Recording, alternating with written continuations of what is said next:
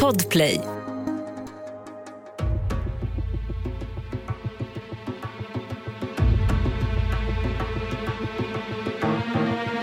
Sverige har blivit eh, attackerat. Eh, allt tyder på att det här är ett eh, terrordåd. Det är en klar aprildag och på Drottninggatan i Stockholm letar sig vårens första solstrålar ner på den långa gågatan som skär igenom stadskärnan. I andra änden av Sverige har väninnorna Lena Wahlberg och Marie Kide tagit plats på tåget. De är på väg till Stockholm och Nordens största trädgårdsmässa som i år prunkar lite extra eftersom de firar 25-årsjubileum. Hela helgen säljs växter, grillar, frön och alla möjliga och omöjliga prydnadssaker till blomsterentusiaster från hela landet. Samma morgon i Stockholmsförorten Vårberg vaknar en 39-årig man från Uzbekistan redan vid 06-tiden på sin madrass på golvet i en lägenhet som han delar med flera landsmän. På förmiddagen tar han sin axelremsväska, går ut genom porten och tar tunnelbanan in till stan. Utanför en skoaffär vid Odenplan tar han fram mobilen, vänder kameralinsen mot sig själv och filmar. Klockan är 13.20 när han börjar mässa monotont. Det är dags att döda de otrogna.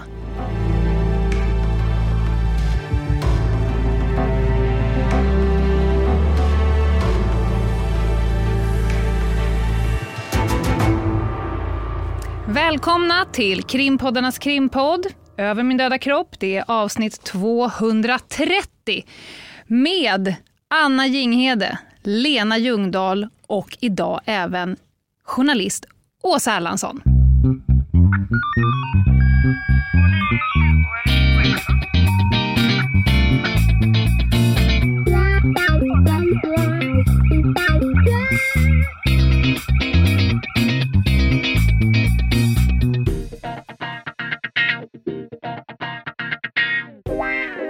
Jag sitter återigen i Podplays underbara studio. Oliver sitter vid spakarna. Jag har lurar på mina öron. Mitt emot mig sitter Åsa Erlandsson. Och jag ser orimligt mycket fram emot det här avsnittet. Välkommen Åsa. Tack så mycket. Jag, tyck, jag tycker det är helt rimligt. Jag känner samma förväntan. men faktiskt. Och jag sa till dig innan, jag har förberett mig sjukt mycket. Det har du verkligen gjort, ett sånt ambitiöst upplägg. Ja, och sen ändrade du det på en gång när jag ja, sa det. Ja, för det finns ett bättre. Ja, och jag är som vanligt 10 cm öppen för förbättringar. Nej, men vi, du har skrivit en sån jävla viktig bok. Eh, det var inte länge sen som det var eh, femårsdagen av dådet på Drottninggatan. Någonting som har förändrat oss alla i grunden. Precis som vid mordet på Olof Palme så finns det ett före och ett efter. Och jag tror att alla våra lyssnare vet exakt vad de gjorde vid den tidpunkten. Då eh, informationen om vad som hände på Drottninggatan i Stockholm nådde dem. Och det är det vi ska ägna avsnittet om. För att du, Åsa, har skrivit en bok om det här. Det kommer jag snart eh, fråga dig om, hur fan du vågade. Men till att börja med, vem är du? Jag är göteborgare brukar jag ju fronta, det är viktigt att komma först. Mm. Eh, men bor i Stark identitet. Ja, verkligen. Eh, och så journalist sedan 25 år. Mm. Eh, mitt drömyrke som barn eh, som blev sann efter en ihärdigt skrivande av högskoleprov och eh, ja. kämpanden. Och sen på senare år har jag börjat skriva böcker också, eh, dokumentära böcker. Det finns ingenting som slår verkligheten. Vem behöver fiction när verkligheten finns? Mm. Och eh, det här är ah, min fjärde bok, men det är andra gången jag skriver om attentat som skakar Sverige i grunden. Mm. För att du skrev Det som aldrig fick ske. Skolattacken i Trollhättan. Ja, om eh, vad Anton Lundin Pettersson gjorde där. Och den vann du Stora journalistpriset för. Ja, och det är, lite, det är ju roligt med att folk visar intresse för böckerna men det ringer nästan fler journalister om eh, boken om skolattacken 2017 eftersom det tyvärr har skett så många skoldåd nu nyligen. Men jag får också eh, förmånen att prata om terrordådet på Drottninggatan, den aktuella boken. Det, det är ju samma tema, lite. Mm. Vad är din... Eh, varför har du skrivit just de här två böckerna? Eh, det var nog två, nästan två frågor igen, höll jag på att säga. Eh, men samma tema är det verkligen. Mm. Det var ju en, om jag börjar med samma tema så handlar det här om ensamagerande gärningsmän. De, de som är så himla mycket på tapeten nu och som Säkerhetspolisen skriver i sin årsrapport utgör det största säkerhetshotet. Anton Lundin Pettersson var ju en högerextrem um, gärningsman och eh, terroristen Rahmat Akilov på Drottninggatan bekände sig till IS, eh, mm. även om de inte ville kännas vid honom. På ytan, om de här två, Akilov och Anton, hade träffats så skulle de ju varit fiender, men det finns ganska mycket som är likt, både i deras levnadsöden och eh, radikalisering och annat. Ehm, och sen är det också så att en, en lärare som överlevde skolattacken i Trollhättan, Marie Kide, mm. dog i i eh, terrorattacken på Drottninggatan. Och det, det är ett ögonblick jag aldrig kommer glömma när, när rektorn i Trollhättan ringde och berättade att fan Åsa, nu, nu kommer jag få begrava min lärare igen. Eh, och varför jag skrev boken om Drottninggatan? Jag, jag är så förvånad att ingen hade tagit ett så stort grepp om det tidigare. Det här var det första fullbordade terrorattentatet riktat mot Sverige. Mm. Det har kallats det grövsta brott Sverige drabbats av. Um, det, det här är händelser av nationellt intresse och internationellt intresse med så många lager i sig. Det kräver en bok för att berätta om. Det har ju skrivits massor både om skolattacken och Drottninggatan. Och som så här, journalist så den instinkten är det här är redan gjort, det här är redan mm. skrivet. Men är det någonting jag har lärt mig av att hålla på med de här böckerna är att eh, det är så mycket man inte vet och det är så mycket som inte är berättat. Och jag är glad att recensenterna också uppmärksammar det nu om Drottninggatan. Att vi trodde vi visste vad som hände men, men det, det gjorde vi ju inte. Nej. Nej, jag, eh, du har fått jättefina recensioner och jag sa till dig innan intervjun att jag var tvungen att eh, läsa boken inför det här. Jag tycker att den är fantastisk och det är just som du säger, det är så många lager eh, av information som inte kom fram i de här första eh, snurrande veckorna när man följde jakten och rättegång och så vidare. Men jag har en teori på varför, eh, du sa att du är förvånad varför ingen har gjort det. Mm. Det är ganska modigt att ge sig på. Hur då? Men, eh, jag tänker att eh, det här dådet har ju påverkat allas grunden. Jag skulle, om jag skulle ha bestämt mig för att göra det så skulle jag ha känt mig väldigt nervös för att göra...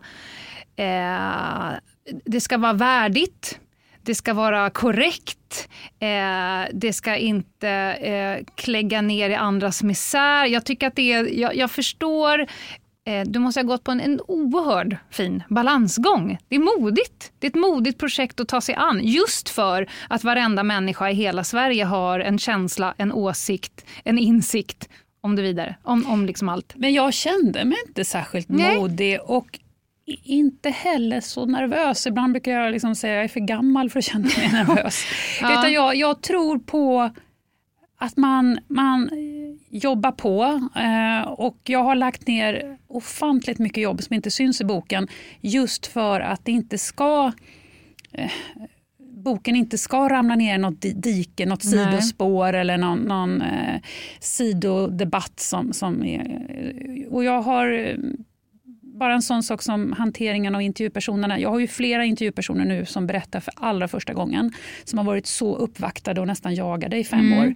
Eh, och jag har ju bildligt hållit dem i handen träffat dem flera gånger innan mm. intervjuandet ens har påbörjats. Träffat flera av dem efter att intervjuandet är slut för att fånga upp dem. Mm. Jag har eh, haft läsrundor. Jag har inte skickat, här får du se dina citat, jag har skickat hela kapitel så att man får läsa. Inte bara fakta ska vara rätt, tonträffen mm. ska finnas där. Så jag, nej, jag var nog, jag kände att jag har gjort allt jag kan. Ja. Men eh, jag, jag tror ju givetvis att du basera ditt lugn på att du litar på din intuition, du är träffsäker, jag vet på vilket sätt du jobbar. Du har ju själv intervjuat mig och jag vet precis hur trygg man känner sig som ett av dina intervjuoffer. Eh, så att jag är inte ett dugg förvånad efter att de eh, har kategoriskt sagt nej i flera år faktiskt tackar ja. Eh, och det är vi glada för, för att den här boken tycker jag verkligen eh, fyller sitt syfte. Eh, man får reda på saker man inte visste, vilket är det, vi vill ju alltid ha, komma så nära sanningen som möjligt. Eh, folk har ju, och det belö, belös också någon i boken, man har ju enorm behov av att fylla i luckor för att göra en händelsekedja rimlig för en i huvudet så man kan stoppa ner den i något fack och kanske på något sätt finna ett nytt normalt någonstans. Eh, men jag tänkte bara för att eh, vi ska ta oss igenom det här, en liten ingress. Det är fredag, det är den 7 april 2017. Då kör Rachmat Akilov en lastbil i hög fart längs en 500 meter lång sträcka på Drottninggatan. Han dödar då fem personer, men dådet kommer att påverka livet för ett oräkneligt antal människor. Och din bok den baserar sig då på ett omfattande fältarbete du har hållit på i flera år.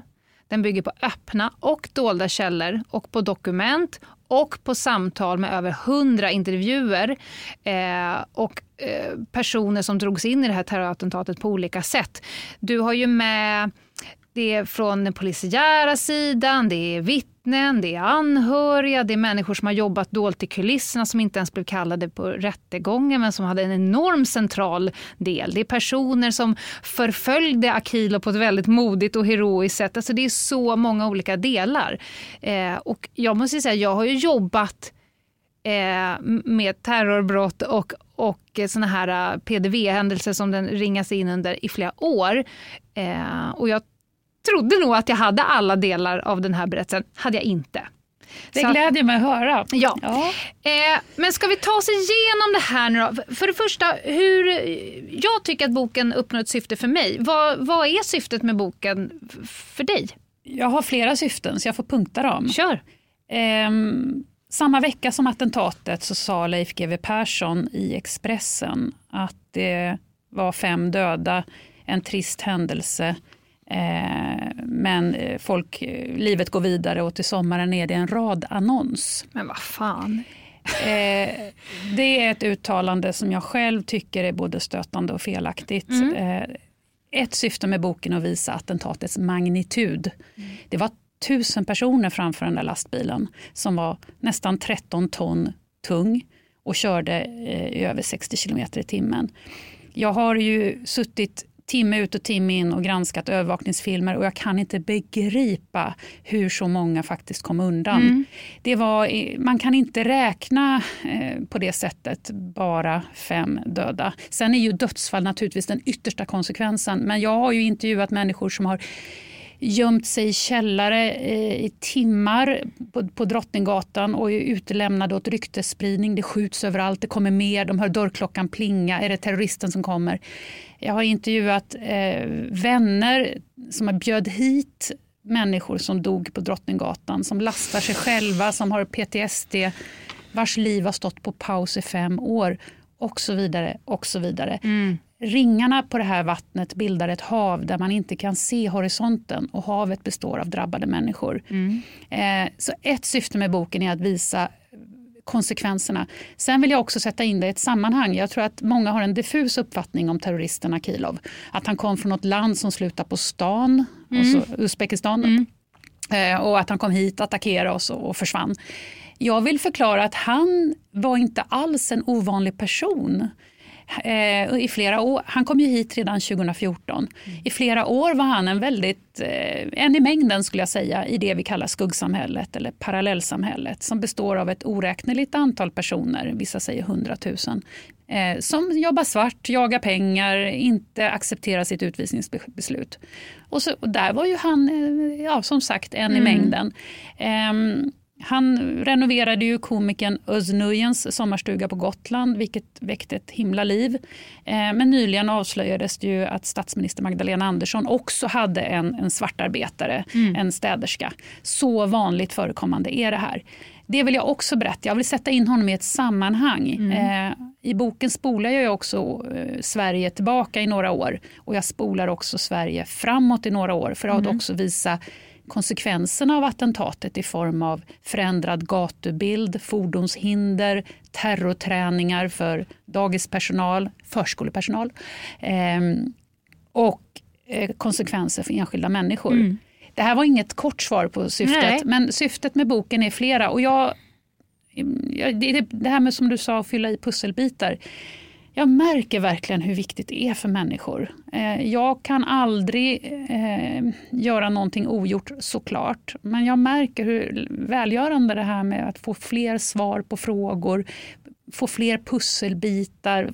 Mm, människor har hört av sig och sagt liksom hur, mycket de har, mm. hur mycket det har betytt.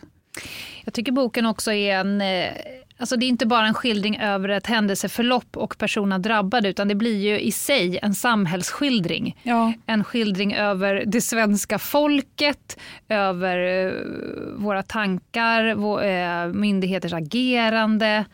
Det är lite nutidsorientering som ja. man får på köpet. Eh, Svenska Dagbladets recensent skrev att det är en, en, eh, en lysande lektion i samhällskunskap, mm. någonting ja. sånt. Ja. Eh, och det blev jag väldigt glad över. Eh, för det, det, det, det handlar både om den här, de här 40 sekunderna av massaker, mm. men också om samhället i mm. stort. Mm. Och Det är också kanske därför du sitter i den här podden. Vi står ju lite för folkbildning. Vi vill ju att folk ska veta mer och sen får man ha åsikter och känslor kring det. 500 meter, 40 sekunder. Det förändrade livet för eh, tusentals människor som var direkt eh, påverkade. Både de som jobbade, de som var på plats, de som kände dem på plats. Men det påverkade ju oss alla på ett större sätt än så. Jag såg någon siffra, någon som hade en norsk studie som hade sagt, sagt att 25 procent av Norges befolkning är direkt eh, påverkade i grunden av Breivik. Eh, jag tror att det skulle vara kul att se vad är, vad är liksom jag tror siffran skulle vara väldigt hög i Sverige också. Exakt. Det är den norska stötteföreningen, ja. anhörigföreningen. Och då, jag, jag, tog kontakt med dem för jag blev nyfiken på hur de kom fram till den siffran. Det är ju en, ett estimat, de har ju bara uppskattat. Men, men om vi tar då tusen personer framför lastbilsfronten eh, och Eh, och sen har jag ju också intervjuat, man får inte glömma att även blåljuspersonal är påverkade ja. i grunden. Även om de har uniformen på så är de, de är ju människor först och främst. Mm. Jag har ju också mött ärrade jurister, eh, poliser, åklagare Hans Irman beskriver att det här är fallet han aldrig glömmer. Det har krupit under huden på även de som är vana vid mänskligt mörker. Så om man skulle sätta någon slags uppskattning över hur många i Sverige som är direkt påverkade av Drottninggatan så skulle vi få en väldigt hög andel här också. Det är jag ganska säker på. Ja, säger inte emot. Eh, själva händelseförloppet börjar ju boken med. Det är del ett. Eh, där eh, den här bilvägen, det stod att det var Sveriges längsta brottsplats. Den är mm. över en kilometer lång, brottsplatsen. Jag ser Anna Jinghede svettas framför mig. Alltså hur man kommer till en brottsplats som kriminaltekniker och utredare och ska försöka säkra spår mm. med alla dessa människor. Ja, dessutom, man fick ju inte hålla avspärrningarna Nej. så länge som man ville. Nej. Eh, utredarna fick ju ta strid för att förhandla sig till några timmar till. Men du vet ju, ett mord i en lägenhet den kan ju vara avspärrad i flera veckor. Ja. Här fick man släppa avspärrningarna efter, vad var det, några, inte ens ett dygn. Nej. För det fanns så himla starkt tryck. Tillbaka till normalitet, trygga folk. Mm. Så att det är inte nog med att det var Sveriges längsta brottsplats. Människor sprang ju omkring där. Ja. Och när kriminalteknikerna kommer så börjar de också först eh, leta spår där Akilov inte hade kört. Mm. För det var, han har ju en väldigt irrationell start, ja. han kör ju runt kvarteren. Så man började också lägga tid på gatustumpar där han faktiskt inte hade varit. För det klarnade inte förrän dagen efter vilken färdväg han faktiskt hade. Så det här var ju ett jäkla jobb. Ja, och jag är helt övertygad om att vi kommer att återkomma till det här ämnet på olika sätt. Till exempel eh, så kommer ju Anna senare belysa identifieringsarbetet som försvårades av väldigt många olika saker. Eh, brottsplatsen, Eh, alltså det, det, finns ju så mycket att hämta det här. Man skulle kunna ha ett helt avsnitt om radikalisering, ett helt avsnitt och så vidare. och så vidare. Men eh, själva händelseförloppet, eh, boken tycker jag både beskriver eh, liksom ett tidsförlopp men sen gör den också liksom nedslag i saker som hamnar väldigt starkt på min näthinna. Jag får väldigt starka bilder. Till exempel den här kvinnan med den röda rullväskan som räddade livet på sju personer. Kan du berätta om det? Ja, det är helt sanslöst. Ja, visst är det. Och jag säger det igen, vem behöver fiction när verkligheten finns? Åklagare Hans Irman eh, kallade henne just för kvinnan med den röda rullväskan mm. under rättegången. Det låg ju Agatha Christie. Eller, ja, visst, visst. Ja. Eh, jag har träffat henne. Hon heter Elisabeth, bor i norra Sverige. Hon har aldrig berättat förut. Jag är väldigt glad att hon kommer med sin värdefulla berättelse i min bok. Hon var eh, på en weekend i Stockholm och ska åka hem. Men i väntan på tåget så strosar hon på Drottninggatan i solskenet bland många andra. Hon är inne på en, en inredningsbutik. Och en övervakningskamera fångar henne när hon går ut, inte ett ont anande. Och när Elisabeth går ut så ska de här automatiska entrédörrarna stängas bakom henne. Och de börjar stängas. Men hon drar ju sin rullväska bakom sig. Mm. Så rullväskan tvingar upp de här glasdörrarna. Mm. Och exakt då kommer lastbilen. Mm. Och övervak allt det här finns på film.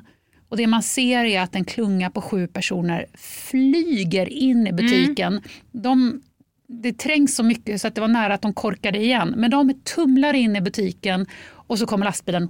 Dammar förbi. Ja. Eh, och när jag träffade Elisabeth så blev jag så förvånad. För Det visade sig att det tog henne nästan ett år innan hon förstod att hon hade mm. räddat livet på sju personer. För det som händer är att hon själv viker ut vänster på Drottninggatan, eh, hör det här ljudet av lastbilen och är jäkligt snabbtänkt där. Eh, hon har en bakgrund inom hemvärnet. Det tror jag kan ha spelat mm. roll, för hon tänker direkt terrordåd. Pressar sig upp mot butiksfasaden, vinklar fötterna så att de inte tårna mm. ska vara rakt ut böjer in ansiktet och sen kommer bilen och bara sliter, eh, vinddraget bara sliter i hennes hår. Mm. Eh, så hon överlevde tack och lov. Men det här som hon och väskan då hade mm. åstadkommit, det, det tog jättelång tid innan hon fick veta det. Visst var det hon som också sa att hon hade tvingat sig själv att använda skorna igen? Ja, eh, när jag träffade henne så rullade hon in sin röda rullväska i köket där vi satt och fika. Och så ställde hon ett par vita gympaskor på och där ser man svarta smutsränder från lastbilen. Amen. Och hon har ju försökt terapeuta sig själv i att använda de där skorna mm. igen. Ja, och eh, en sak som jag tänkte på då och när du även berättade här att det är tusen pers ungefär som är där. Det är fem som dör, mm. eh, vilket är helt osannolikt. Att det, liksom, det är Sveriges tätaste eh, fotgängstrafikerade plats. Mm. Eh, och eh, hur människor har tagit adekvata och bra beslut. Jag utbildar ju på ämnet som du vet, du har ju varit med själv. Eh, om det här med vårt starka kampflyktssystem eh, och att det är mycket ovanligare än vad man tror att man bara ställer sig som en, en fyr och snurrar. Att folk gör väldigt bra saker men ju mer mentalt förberedd man är på det desto bättre. Och jag brukar säga i utbildningarna att om Akilov hade kört på Drottninggatan för 15 år sedan innan vi har blivit eh, eh, approcherade av väldigt mycket nyheter om terrordåd så hade många, många fler dött på Drottninggatan. Det är min personliga övertygelse att det var fler personer som tidigare tänkte som Elisabeth, terrordåd, för att vi har en referenspunkt till bil i folksamling. Vad tror du om den? Jag tror definitivt på den, men, jag kommer, men, men med en twist. Ja. Och, eh, en av konsekvenserna av terrordådet tror jag, framåt är att den generation som växer upp nu, de barn som minns det här, kommer tolka och reagera annorlunda. I boken berättar jag om prästen Annika Milde som mm. bor väldigt nära Drottninggatan. Och några månader efter dådet så är det en buss som exploderar. Annika tänker olycka, hennes lille son tänker terrordåd. Ja. Eh, och det här kan man tycka är sorgligt och hemskt eller så kan man tycka att det är bra att, att det är adekvat, att man eh, faktiskt ökar eh, chansen att själv överleva om man har den mentala förberedelsen. Men twisten är att eh, för 15 år sedan gick inte folk med hörlurar. Nej, eh, spela och, Candy Crush. Ja, och det där tycker jag är väldigt intressant eh, när man ser de här, nästan hela, nästan hela terrordådet finns ju på film tack vare alla övervakningskameror. Vilket var väldigt viktigt i polisutredningen. Och då kan man se att i början är det flest som dör. Fyra personer. Mm. Efter det fjärde dödsoffret så fastnar ett sånt här betonglejon som står Mm. på Drottninggatan i fronten. Och det orsakar ett väldigt högt skrapande ljud. Mm. Och man ser då på övervakningsfilm att nu reagerar folk mycket fortare. Mm. Eh, så, och sen så släpper det här lejonet precis på slutet. Det kraschar i New Orleans och där sker också det femte dödsoffret, 11-åriga Ebba. Men så länge det här lejonet sitter fast i fronten och skrapar så jäkla högt så lyckas man på något sätt då överrösta Candy Crush eller Spotify eller vad det är nu folk går och lyssnar på. Ja, ja, alltså det enda sättet som kan trigga vårt kampflyktsystem, som är vårt överlevnadssystem, det är ju att, att amygdalan får en signal att någonting är på väg att gå käpprätt åt helvete. Eh, och de signalerna kan man ju effektivt stänga av med att koppla bort lukt, ljud, syn, känsel eh, och, och andra tankar som nej det är nog inte det. För det ser vi ju andra då när folk hör faktiskt signalen men väljer att placera in det i ett fack. Det är nog fyrverkeri, det är nog något annat. Jag ska läsa en, en kort sak här på temat att folk gör så bra saker för varandra, att man går in i work mode. Eh, på marken sitter en kvinna i sektorsåldern i ljusbrun kamelhårskappa med blödande ben och stora frågande ögon. Konstnären Magnus plockar upp en bit svart plastskrot som ramlat av från lastbilen och spjälar eh, kvinnans ena ben i högläge. Det är ganska rådigt och tidigt påt. Eh, och det här är ju bara en av jättemånga saker som händer för, på platsen där eh, allmänhet, civilsamhället, alla på plats faktiskt börjar jobba sig ur situationen. Och ändå tampas Magnus med skuldkänslor. Ja. Som så många andra. Varför gjorde jag inte mer? Varför lyckades jag inte varna? Varför kunde jag inte putta undan någon som hamnade i Nej. lastbilens väg? Så att det här med det är så många som bär på skuldkänslor. Men jag har reagerat på samma som du. Han hamnar mitt i ett terrordåd. Han skulle gå in och köpa någon prydnadskudde eller liknande. Mm. Hamnar i ett terrordåd och börjar göra eh, sjukvårdande insatser. Det tycker jag är... Sen var det en sak som förvånade mig lite måste jag säga. Eh, här handlar om en, eh, en morsa. Hennes barn är ett av barnen som befinner sig på en biograf inne på Drottninggatan. I panik ringer hon en säkerhetskonsult som hon tidigare haft kontakt med. Konsulten är på sjukhuset för en inbokad röntgenundersökning men trycker på nödknappen i maskinen för att avbryta, trocklar sig ut, rycker åt sig handväskan och fiskar upp mobilen. Stanna där du är, åk inte in till stan. Jag tror att det här är jag. kan det vara så? Ja, det Om det inte du. låg fler i MR-röret samma dag. Ni var tre stycken. Jag Ja. intervjuar... Nej, jag skojar. Ja, det är klart att det är du, Lena. Ja. Och för lyssnarnas eh, eh, kännedom och min egen trovärdighet så hade jag ju stämt av det här med Ja. dig. Eh, så att, så är det. Men Ja. du, du är med där på ett hörn. Eh, och då kanske vi ska förklara då att den här biografen ligger mitt på Drottninggatan. Ja. Där befann sig hundratals barn. Och det var ju Guds försyn, om man nu tror på högre makter, att filmen fortfarande pågick några Ja. minuter till. Annars hade de strömmat rakt ut framför lastbilen. Mm. Och den här mamman ring, som jag intervjuat då, ringer ju dig där. Ja, i panik. Vad ska jag göra? Eh, och och eh, händelserna där inne i biografen är också signifikant för människors handlingskraft, kreativiteten och börja leka leka, vända på kuddar, eh, på med filmen, ut med popcorn. Alltså det händer så mycket för att skapa eh, ett normalläge i ett läge som är allt annat än normalt.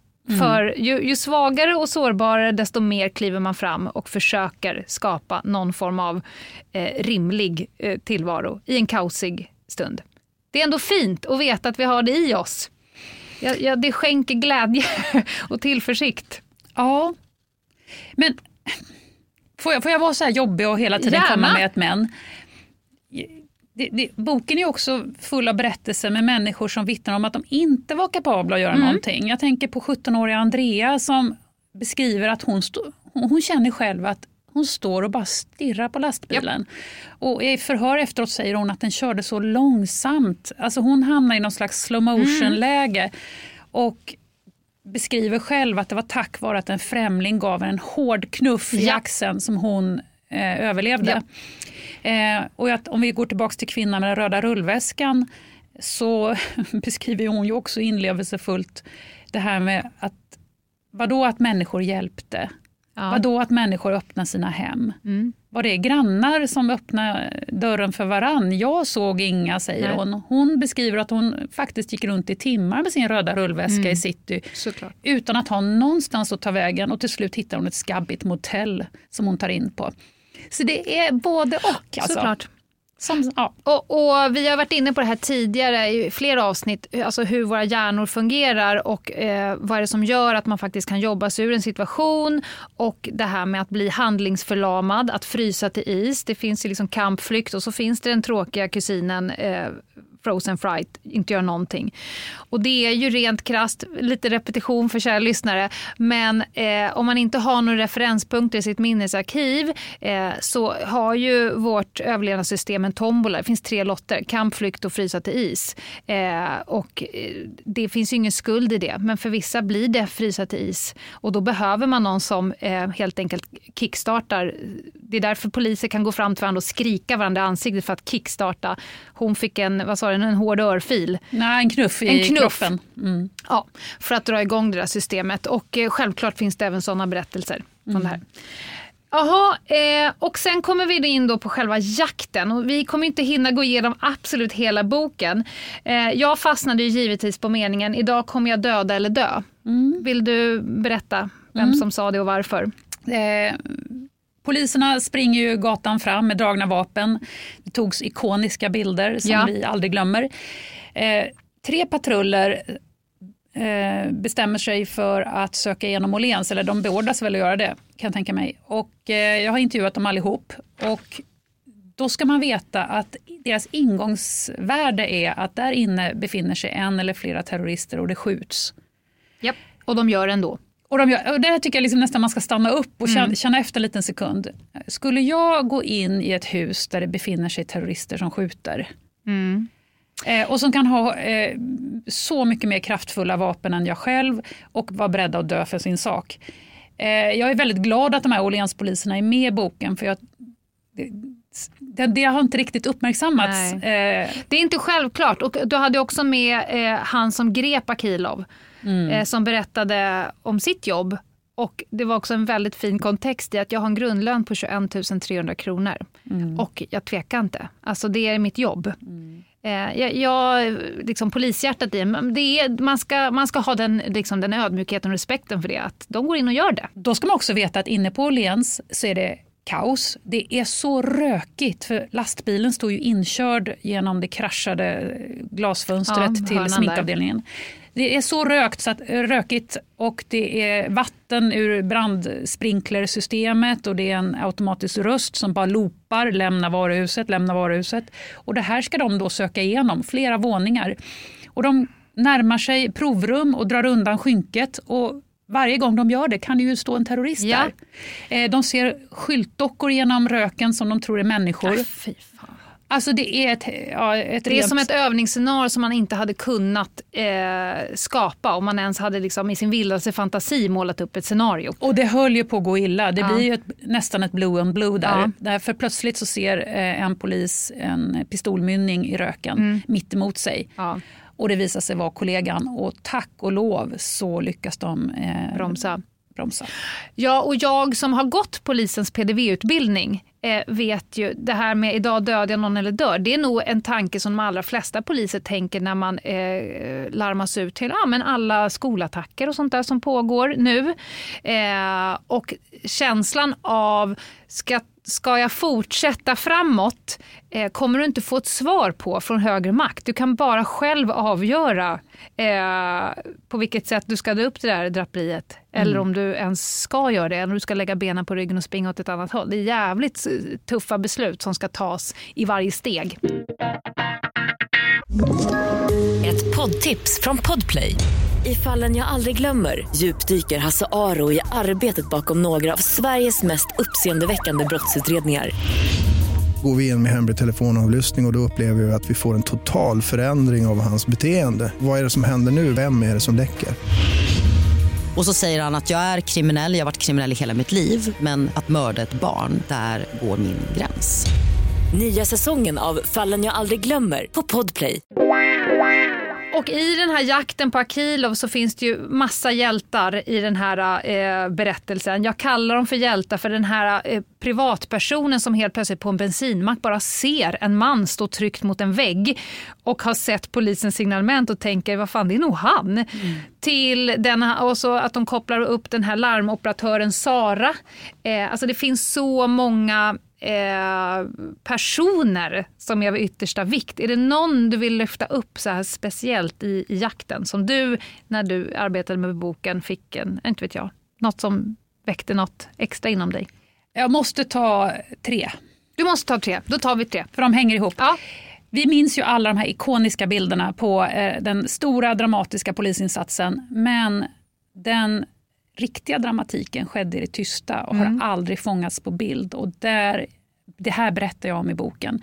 För det var det som skedde i kulisserna som blev avgörande för att Akilov kunde gripas så snabbt. För han hade ju redan lämnat Stockholm city för länge, Jaja. länge sedan. Han befann sig ute i Märsta och där fanns ingen polisjakt. Nationella insatsstyrkan var beredd ute på Arlanda och säkert på andra platser. Men i Märsta på en bensinmack eh, så var det folk som körde runt och tankade och skulle köpa sig. Eh, och så plötsligt står Akilov där. Och då kommer privatpersonen Micke körande med sin mm. bil. Eh, svänger runt hörnet och bara pang står öga mot öga mot en jagad terrorist. Mm. Då har polisen släppt en bild på en presskonferens där på kvällen så Micke känner igen signalementet. Och det här blir då starten på ett 40 minuter långt ensamt förföljande eh, som Micke då gör trots att han är rädd, trots att han är övertygad om att Akilov har sett honom. Eh, och, och, då är det en, en serie av slump och skicklighet och tur som gör att det är en larmoperatör som heter Sara mm. som först får ett tips från Arlanda Express som Akilov har åkt på. Eh, hon lägger märke till alla detaljer, hur jackan sitter på honom och så. Eh, Arlanda Express säger bara vi har en plankare ombord. Eh, och det är ju inte så spännande. Men Sara lägger de här detaljerna på minnet. Sen en halvtimme senare ringer Micke via sin sambo mm. från bensinmacken.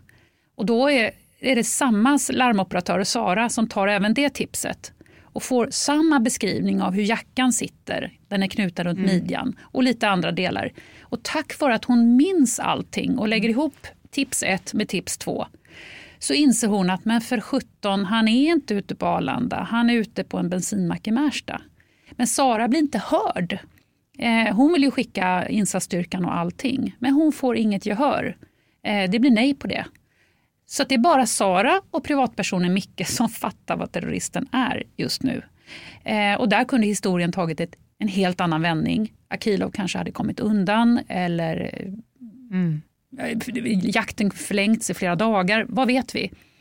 Men det som sker är att larmoperatören Sara står på sig.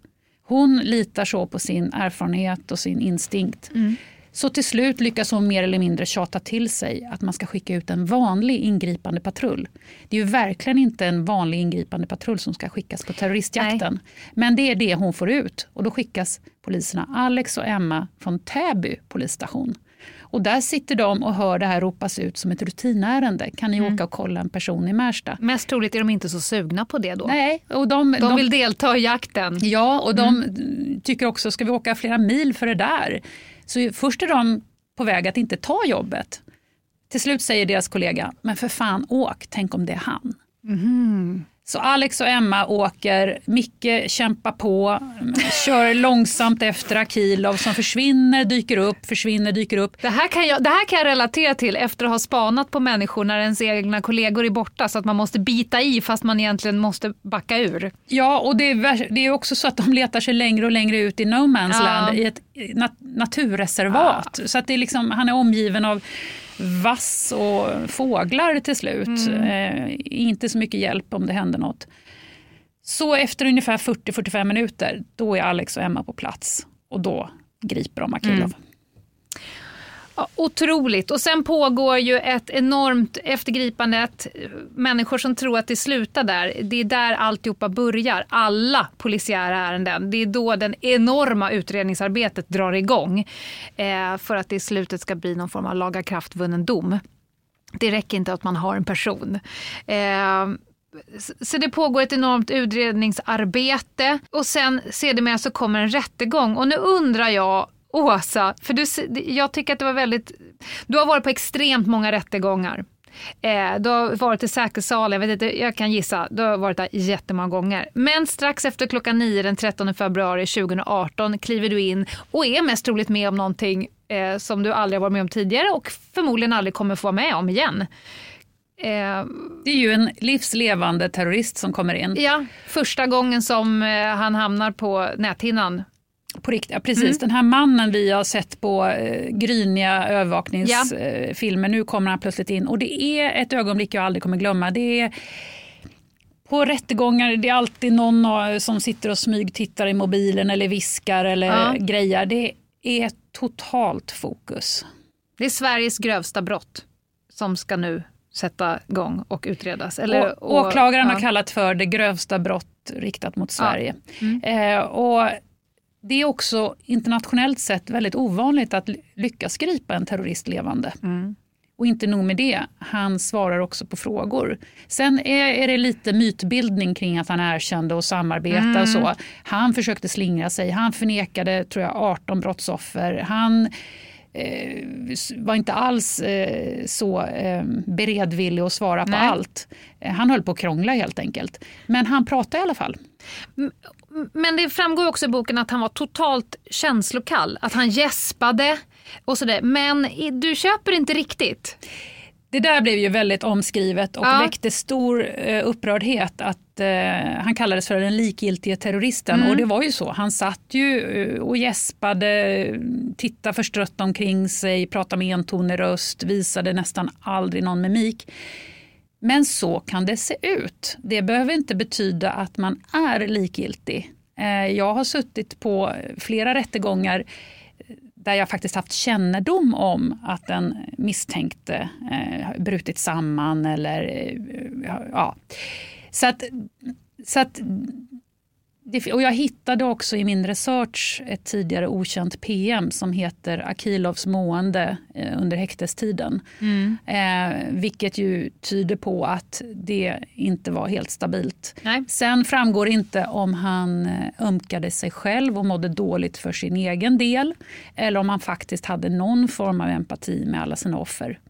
Men det här Ibland sitter vi journalister och, och, och letar minsta eh, mimik, minsta tecken mm. i ansiktet som faktiskt inte behöver säga någonting. Och, det, och, jag har också intervjuat Akilos advokat Johan Eriksson ja. som eh, har en illa dold frustration över att att vi drar så stora växlar på hur någon sitter eller uppträder i en mm. rättssal. Det behöver inte säga så mycket. Nej. Den här likgiltigheten kan också vara en sköld, eh, ett sätt att hålla ihop. En strategi. En strategi, det kan vara en taktik, det kan vara mm. ja, allt, allt möjligt bakom det.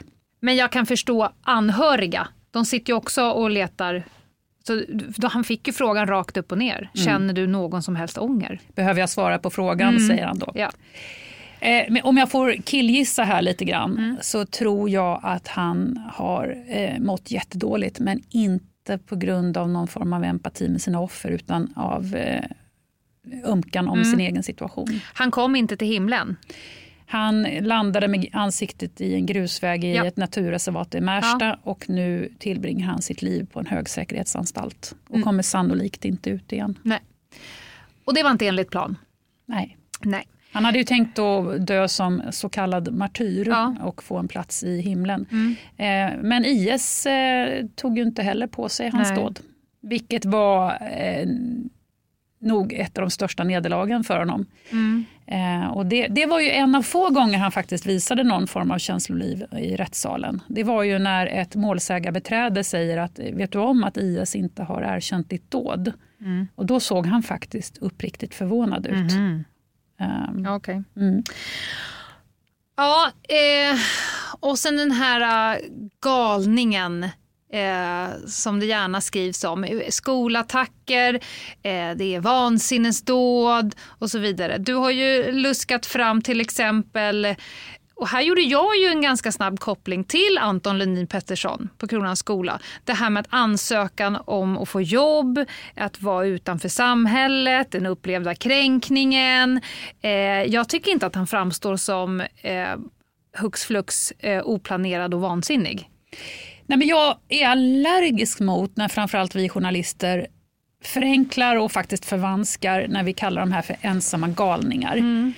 Eh, man ska vara medveten om att det här är planerade dåd. Mm. Man vaknar inte upp samma morgon med fradga runt munnen och plötsligt kastar sig ut och, gör, och mördar människor, utan det här är planerade dåd. Eh, gärningsmännen vet vad de gör. De är inte psykotiska, de är inte påverkade av droger. Inte i de fall jag har studerat i alla fall. Nej. Sen finns ju det också, men, men i andra fall. De vet precis vad de gör. Ja. Eh, och sen hur ensamma miserabla liv de än lever i in real life mm. så är de verkligen inte ensamma på nätet. Där ingår de i en internationell community som hejar på, peppar, inspirerar. När man inte har några andra gemenskaper så söker man sig dit. Mm. Så ensam galning leder ju tanken helt fel. Ja. Och när du säger dem, då gör du samtidigt att det finns en koppling mellan Akilov och de andra som vi nu har hört talas om i närtid. Är det den kopplingen du ser? Att, eh, nej att, de, att det inte är vansinnesdåd, skolattacker, PDV-attacker, den här terrordådet. Eh, är det egentligen någon av dem som har varit ett, ett ensam, eh, eh, ensam agerande är de, men är det egentligen någon av dem som är ett vansinnesdåd eller har alla planerat, regisserat sina gärningar? Eh, de skolattacker jag har studerat mm. och det här terrordådet på Drottninggatan, det har varit planerade dåd. Ja. Ehm, och med gärningsmän som hittills har bedömts vara eh, tillräkneliga. Ja.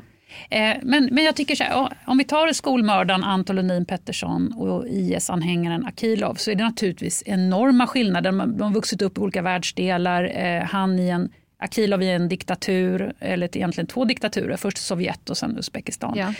Det finns ju självklart helt olika planeter där. Men som du var inne på, när man plockar isär deras liv och deras radikaliseringsprocess så ser man röda trådar. Mm. Man bränner relationer, eh, det funkar inte med familjen, det funkar inte med vänner. Eh, man misslyckas med sina planer kring jobb och utbildning och karriär. Eh, man odlar sin bitterhet, man ältar oförrätter som mm. man tycker att man är utsatt för.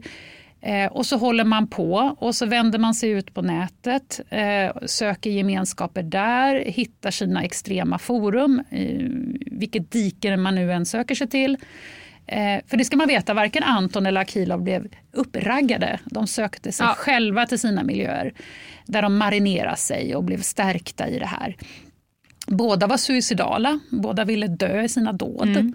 Eh, och båda framade eh, sina motiv. Alltså istället för att se sig själv i spegeln att jag har ju misslyckats och jag har stor del i mitt, mitt eget mm. liv så ska man då framea det här i en måltavla. Anton menar på att det är muslimernas fel mm. att jag inte får något jobb, mm. går arbetslös.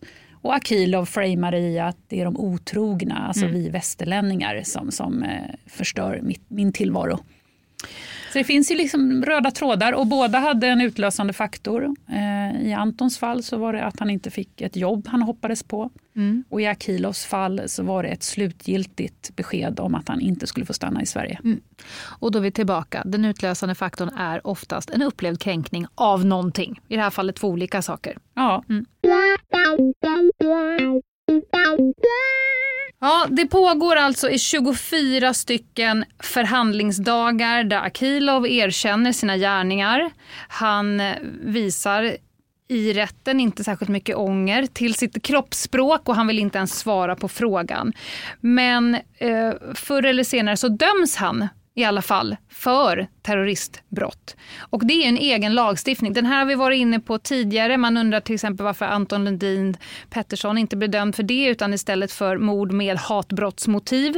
Eh, det är en egen eh, lagstiftning, egna rekvisit. Och ett av rekvisiten är att injaga fruktan i liksom en hel befolkning. Och där kikar man på hur rädd blir egentligen moder Svea, eh, Sverige som, som land.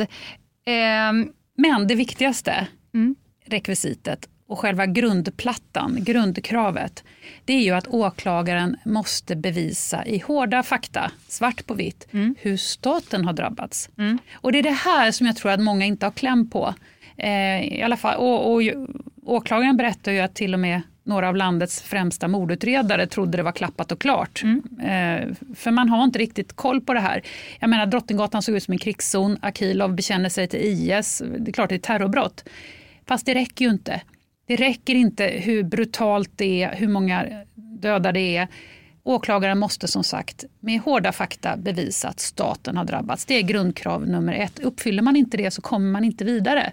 Så eh, åklagaren satte ju två utredare på att dammsuga svenska myndigheter och sjukhus och andra instanser för att med siffror som inte går att vifta bort som känslor visa att staten hade skakats i grunden. Mm. Och det, han var absolut inte säker på att eh, lyckas få Akilov dömd för terrorbrott förrän han hade den här sammanställningen klar. Mm. Och en viktig punkt var att han ville få ut trafikdata från, eh, post, eh, från, från Post och telestyrelsen. Mm. Eh, mobilnätet gick ju ner. Mm. Men Post och telestyrelsen ville först inte lämna ut uppgifter till den här terrorutredningen.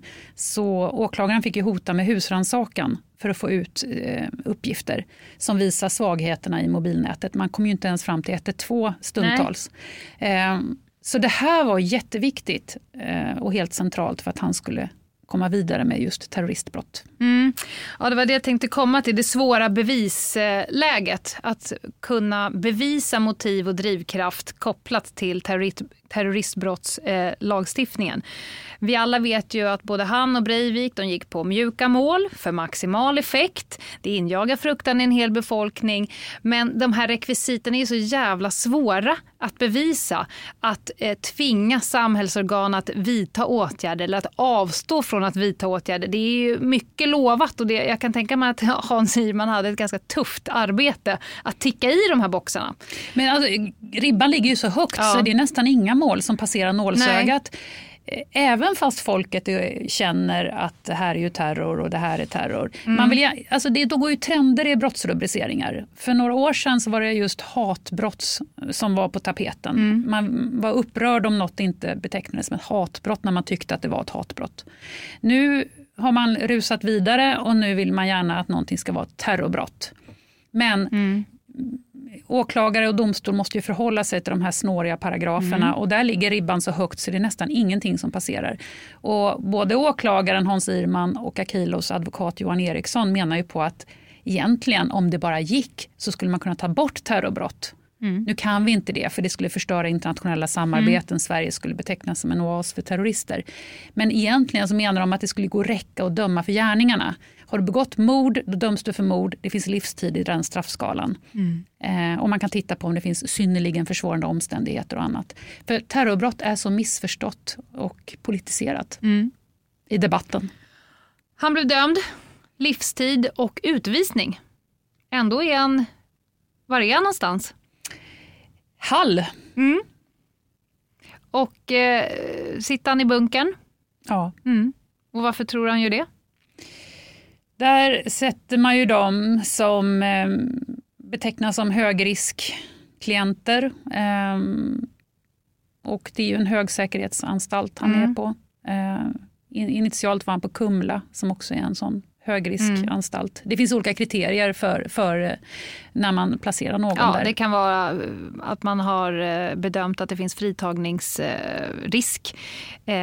Att interner kommer vilja slå ihjäl honom. Eller andra saker som är, ingår i deras riskbedömning. Sprida eh, mm. sina... Eh, Exakt, skapa nya gärningspersoner ja. in-house. Bli en kriminell influencer. Ja. Mm. Och det blev ingen färd till eh, himlen för honom. Men det var inte bara han som fick livstid säger du i boken. Mm. Utan det är väldigt många andra som också har fått livstid. Vad menar du med det? Ja, det är inte jag som säger det utan det är mina intervjupersoner. Mm. Till exempel så var det en belgisk kvinna, 31-åriga Meilys, som dog på Drottninggatan. Och jag åkte till hennes familj i Belgien och träffade hennes föräldrar och lillebror som nu själv har fyllt 31 år, eh, har blivit äldre än sin stora syster. Och de beskriver att eh, de har fått livstid. De har förlorat sin älskade Meilys. Eh, hon var mamma till en liten pojke som var så liten då så han fick aldrig lära känna sin, sin mamma. Vi besökte graven där hon ligger och där hade lilla sonen eh, lämnat en teckning på mors dag till en mamma han mm. kanske knappt kommer ihåg. Mm. Han var så liten då. Ehm, de har fått livstid i den meningen att deras liv aldrig mer blir detsamma. Den här enorma sorgen och smärtan eh, kommer inte ta slut. Och eh, lillebror till Meilus, han som är 31 nu, han beskrev att vi, vi var tvungna att lära oss gå igen. Vi var tvungna att lära oss äta igen. Vi var tvungna att lära oss eh, borsta tänderna igen. Mm. Alltså hela tillvaron kullkastas. Mm. Och så är det ju för många eh, mm. av de drabbade. Ja. Och Det finns ju också andra, även de som överlevde beskriver att deras liv är beskuret. Om vi tar kvinnan med den röda rullväskan igen. Hon reser inte. Hon älskade att resa, hon kunde resa ensam. Eh, hon, hon, har blivit rädd för mycket. Eh, det som tidigare var guldkant på tillvaron känns nu som ett hot. Faror. Vardagen mm. blir beskuren. Eh, mm. Det är inte samma liv längre. Nej, Eh, någonstans i, jag tror att det är en av de sista kapitlen, det, det, det, vet inte om det är du eller någon annan, men ett dåd utan slut. Mm. Att det finns inget, till skillnad då från vad GV uttryckte tidigt, det finns inget slut på det här för, för, för många. Åklagaren sa under rättegången att Akilov eh, sitter på livstid men hans handlingar pågår fortfarande. Mm. Och det skulle jag säga att de gör i människors själ och hjärtan. Mm. Samhället då? Jag sa ju inledningsvis att det finns ett före och ett efter såklart. Eh, men kopplat till Tänk terror, den mentala usvängen belyses också i den här boken. Vad, vad, vad menas med det? Det finns ett före och ett efter. Eh, hur tror du samhället tänker kring de här frågorna nu? Eh, jag tror att Drottninggatan har förändrat Sverige fundamentalt i grunden, fast mycket i det tysta. Mm. Man måste titta på det för att se det. Till exempel, något väldigt konkret är ju fordonshinder som har placerats ut. Betonglejonen på Drottninggatan är mycket större och många fler. Och jag gjorde en enkät bland Sveriges kommuner. Eh, vissa städer har ju verkligen eh, tänkt på de här bitarna. Några städer menar på att vi är så små så vi, det här gäller inte oss. Det var en väldig trygghet i att de var så geografiskt avlägsna att det kan inte hända dem, tyckte de. Mm. Eh, men sen har man ju, som vi varit inne på flera gånger, börjat terrorträna även helt andra yrkesgrupper än polis och säkerhetstjänst. Mm. Eh, och det har vi ju avhandlat i tidigare mm. poddavsnitt. Men det tycker jag är en sån paradigmskifte i, i Sverige. Att ja. det är inte bara rättsväsendet som tänker terror och övar på att, eh, hur man kommer undan en terrorist eller en skolmördare. Utan lärare, sjuksköterskor, busschaufförer, idrottsledare. Jag själv var ute på en turné med Riksidrottsförbundet som försökte terrorträna eh, mm. alla sina olika idrottsgrenar. Och det var liksom, förstämningen bredde ut sig bland de här fotbollstränarna och hockeytränarna som insåg att de ska inte bara tänka på vems trunk som ligger slängd i omklädningsrummet. De ska fundera på vad den kan innehålla. Mm. Kan det ligga en hemmagjord bomb? Varför den ligger där. Ja. ja.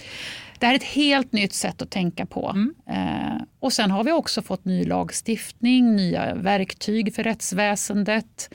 Eh, även om det går, även om man, många debattörer tycker att det går långsamt så har, har ju Drottninggatan utlöst eh, lite action. Eh, man hade länge diskuterat olika åtgärder.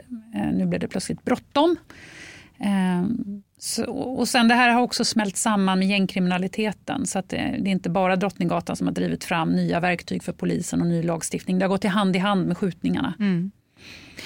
Ja, jag själv har ju varit på stipendieresa i New York eh, och där fått eh, vara med en arkitektbyrå som bygger jävligt snygga hus från start. Men nu bygger de också Ground Zero, de bygger runt FN-huset och så vidare. Hur bygger man in public safety eh, på offentliga platser? Som man bygger helt enkelt bort eh, terrordåd, men på ett jävligt snyggt sätt. Eh, så att det går inte att se med blotta ögat varför Times Square ser ut som det gör. Men varje stolpe, varje bänk, varje blomkruka finns där av en anledning. Eh, kommer man hem till Sverige, besöker någon marknad i Gamla stan och då är det någon som har ställt dit en halvdeppig betongsugga och lagt en liten kvist på för att det ska, inte ska se så hårt ut mot ögat.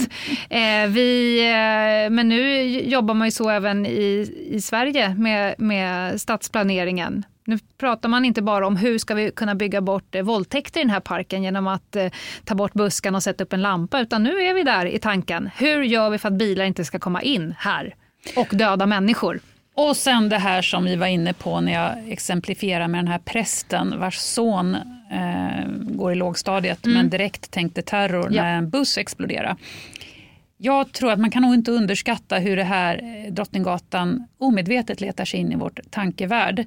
Nästa gång eh, det sker någonting så hoppas jag i alla fall att folk inte kommer dra upp sina mobiler och börja filma utan dra därifrån. Ja. Eh, och förstå att eh, det här kan vara terrordåd, mm. det kan komma i flera attacker, flera vågor. Tänk terror, den mentala utsvängen, då är vi där igen. Mm. Mm. Sista frågan. Hur vill du att din bok lever vidare nu? Kommer det bli en serie, film? Eh, kommer den användas som utbildningsmaterial i, i, för föreläsare utbildade? Om du får önska. Ja, jag, öns jag tror och hoppas att det är en tidlös bok på det sättet. Ja. Eh, om, om jag ska vara riktigt så här högtravande som historisk dokumentation. Eh, och, och jag, det var någon recensent som skrev att den kan användas i eh, alla möjliga ämnen i skolan. Mm. Så jag hoppas den liksom får stå där på någon bibliotekshylla och fin bara finnas för den som någon gång vill återvända till den här händelsen och försöka förstå vad var det som hände egentligen och vad betyder det här för Sverige. Um, redan nu har vi också gjort en podd som ligger på Spotify. Det är alltså inte samma sak som ljudboken utan det är en separat publicering. Eh, sex delar i podden där man får höra eh, flera av mina intervjupersoner, deras egna röster och jag blir intervjuad och är som en berättare eller en röd mm. tråd. Men sen det här med film och sånt, det, det vet jag inte. Eh, det, jag är bara så glad mitt, att boken är där den är. Eh, det var mitt liksom, stora mål. Eh, sen, sen, får man se vad som händer.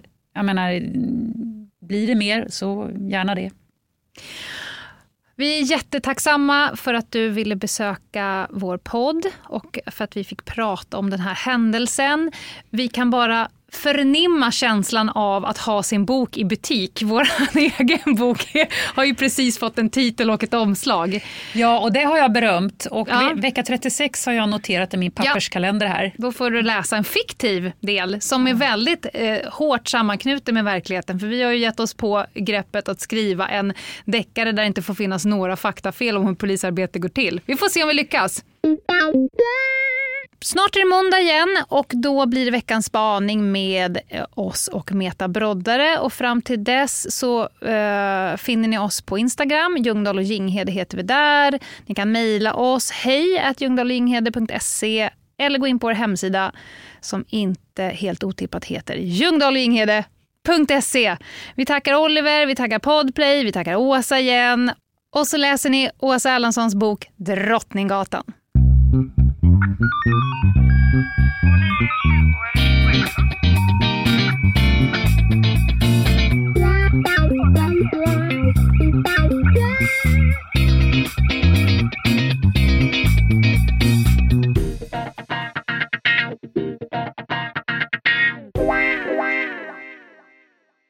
Ett poddtips från Podplay. I podden Något Kaiko garanterar östgötarna Brutti och jag, Davva, dig en stor dos skratt. Där följer jag pladask för köttätandet igen. Man är lite som en jävla vampyr. Man har fått lite blodsmak och då måste man ha mer. Udda spaningar, fängslande anekdoter och en och annan arg rant. Jag måste ha mitt kaffe på morgonen för annars är jag ingen trevlig människa. Då är du ingen trevlig människa, punkt. Något Kaiko, hör du på Podplay. Därför är gardinerna.